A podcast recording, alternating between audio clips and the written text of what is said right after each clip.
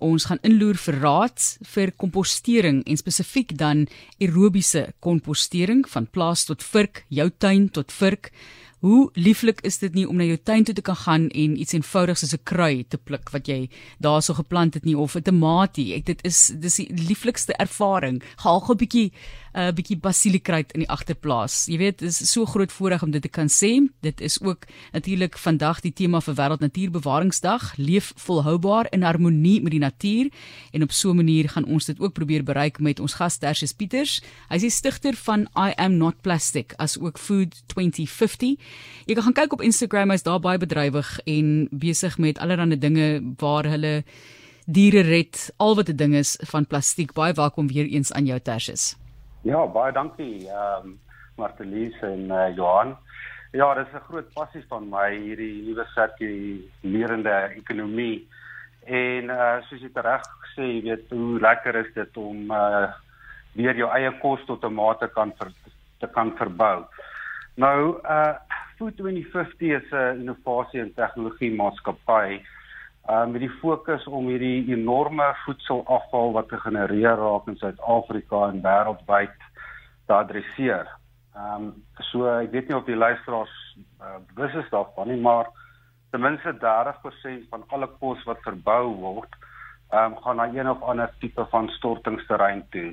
Dis soos amper as ek dit 'n voorbeeld kan gebruik, is soos om jou voertuig vol uh, brandstof te gooi en dan uh, 100 liter in te gooi en dan 30 liter daarvan te laat uitlek. So dis 'n totale vermorsing van energie in 'n wêreld waar energie op hierdie stadium so krities is um, in terme van die bevolkingsgroei. So ehm um, die rede vir die voedselafval, ehm um, ons het verlede week daaraan geraak is as gevolg van hierdie lineêre ekonomie waarin ons leef waar van die plaas tot by die vurk. Jy weet, ehm um, weet word kos vervoer en soos kos vervoer word, weet verouder dit. Ehm um, en as gevolg daarvan dan nou hierdie 30% plus uh voedselafval en en losses wat ons het. So ons het opgekom met ehm um, met komposteringstegnologie basies wat reeds daar was. Ek bedoel kompostering is deel van hierdie planeet se oorlewing al vir miljoene jare om carbon en, en nutrients terug te sit in die grond. So ons het 'n komposteringstegnologie ontwerp wat binne 24 na 48 uur voedselafval uh omskakel in 'n eerste fermentasie kompos en ehm um, weet en en dit wat uitkom is slegs 20% van die gewig wat ingesit word in hierdie konsentrasieproses en wat 'n mens daarna dan kan veilig stoor en dan weer in die grond insit. Ehm um, so weet dis baie belangrik as jy kyk na die sirkulerende ekonomie om hierdie mikroorganismes saam met die koolstof asook die ander nutriënte uh terug te sit uh in terme van regeneratiewe uh uh weet uh farming is as ook ehm um, as ook weet organiese uh uh farming. So so dit is dis waar ons is, jy weet en en, en ons moes die die probleem wat ons gehad is uh in die toekoms is dat weet voedselafval is iets wat 24 ure 'n dag gebeur.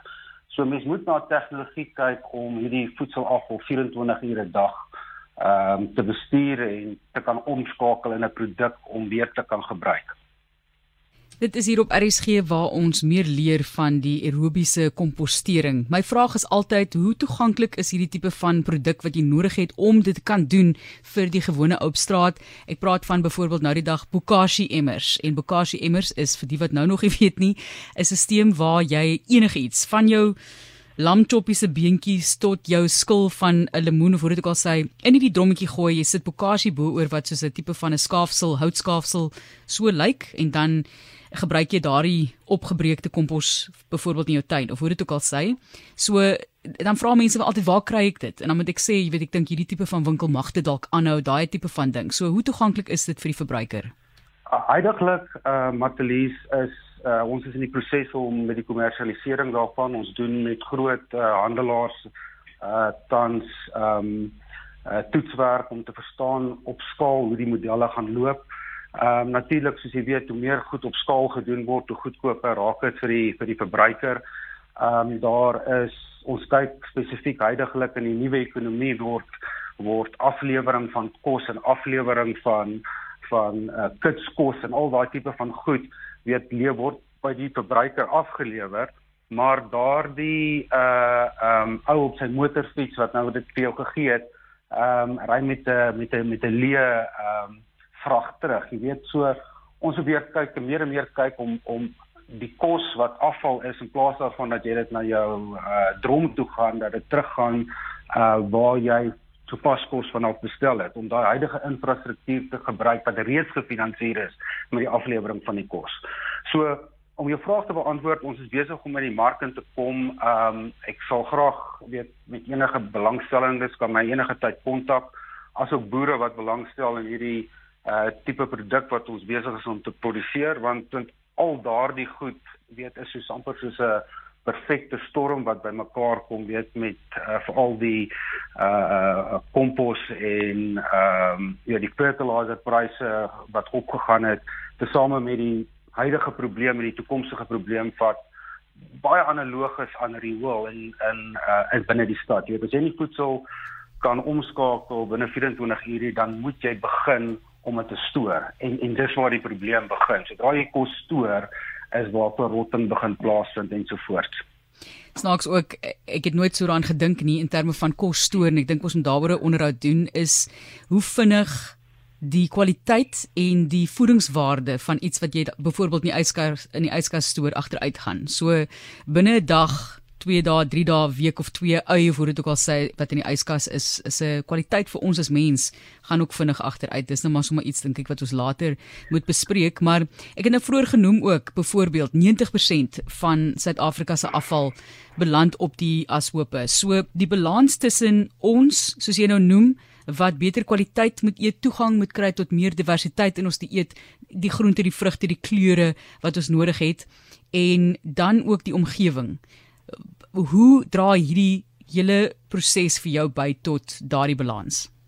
Ja, ek dink weet soos ons in die toekoms ingaan, uh met die 30% van voedsel wat wat wat uh, verlore gaan, gaan daarmee saam ook 30% verpakking verlore en weet ons het al plastiek redelik uh oor gepraat, maar ja, daar is dan ook weer die uh, uh area vir compostable of komposteerbare uh, verpakking, jy weet. En en wanneer mense dan nou komposteerbare verpakking gebruik saam met uh, uh voedsel, weet dan sodra daar voedselafval is, kan dieselfde uh proses gebruik word, hierdie aerobiese reaktor gebruik word om om albei te hanteer. So nou het jy een afvalstroom wat dan een produkstroom raak. En dit is en dit is nogals krities wanneer ons kyk dat meer en meer mense gaan nie meer 'n spens by die huis hê nie. Hulle gaan nie meer 'n spens gaan finansier om energie te gaan stoor nie, want as jy mooi daaraan dink, weet dit dit maak tog nie sin om energie by die huis te stoor nie. Jy weet, jy wil eerder uh jou kos eet voordat jy dit vir 'n week lank in jou yskas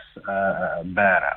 So ek dink die manier hoe ons as as uh mens uh energie gaan konsumeer uh, in terme van dit wat ons eet gaan verander. Weet, ek dink dit gaan meer gemeenskapsgeoriënteerd raak.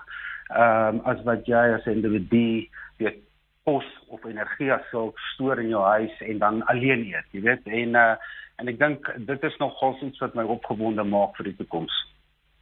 Ons sê vir jou baie dankie hiervoor. Mense kan altyd vir jou kontak om verder te gesels meer in diepte as hulle die projekte wil aanpak natuurlik. En jy kan vir my e-pos stuur as jy met Tersius wil praat. Dit is brink@rsg.co.za. Tersius Pieters is die stigter van I am not plastic as ook Food 2050 en daardie toekoms wat ons natuurlik op afstorm. Dit is uh, die plaas tot virkroete en aerobiese kompostering. Vandag is wêreld natuurbewaringsdag en leef volhoubaar in harmonie met die natuur. Ja, mens mens kry dit op sekere maniere reg, ander maniere nie altyd in jou lewe nie. Matthias, dankie vir die inspirasie. Baie baie dankie vir die geleentheid.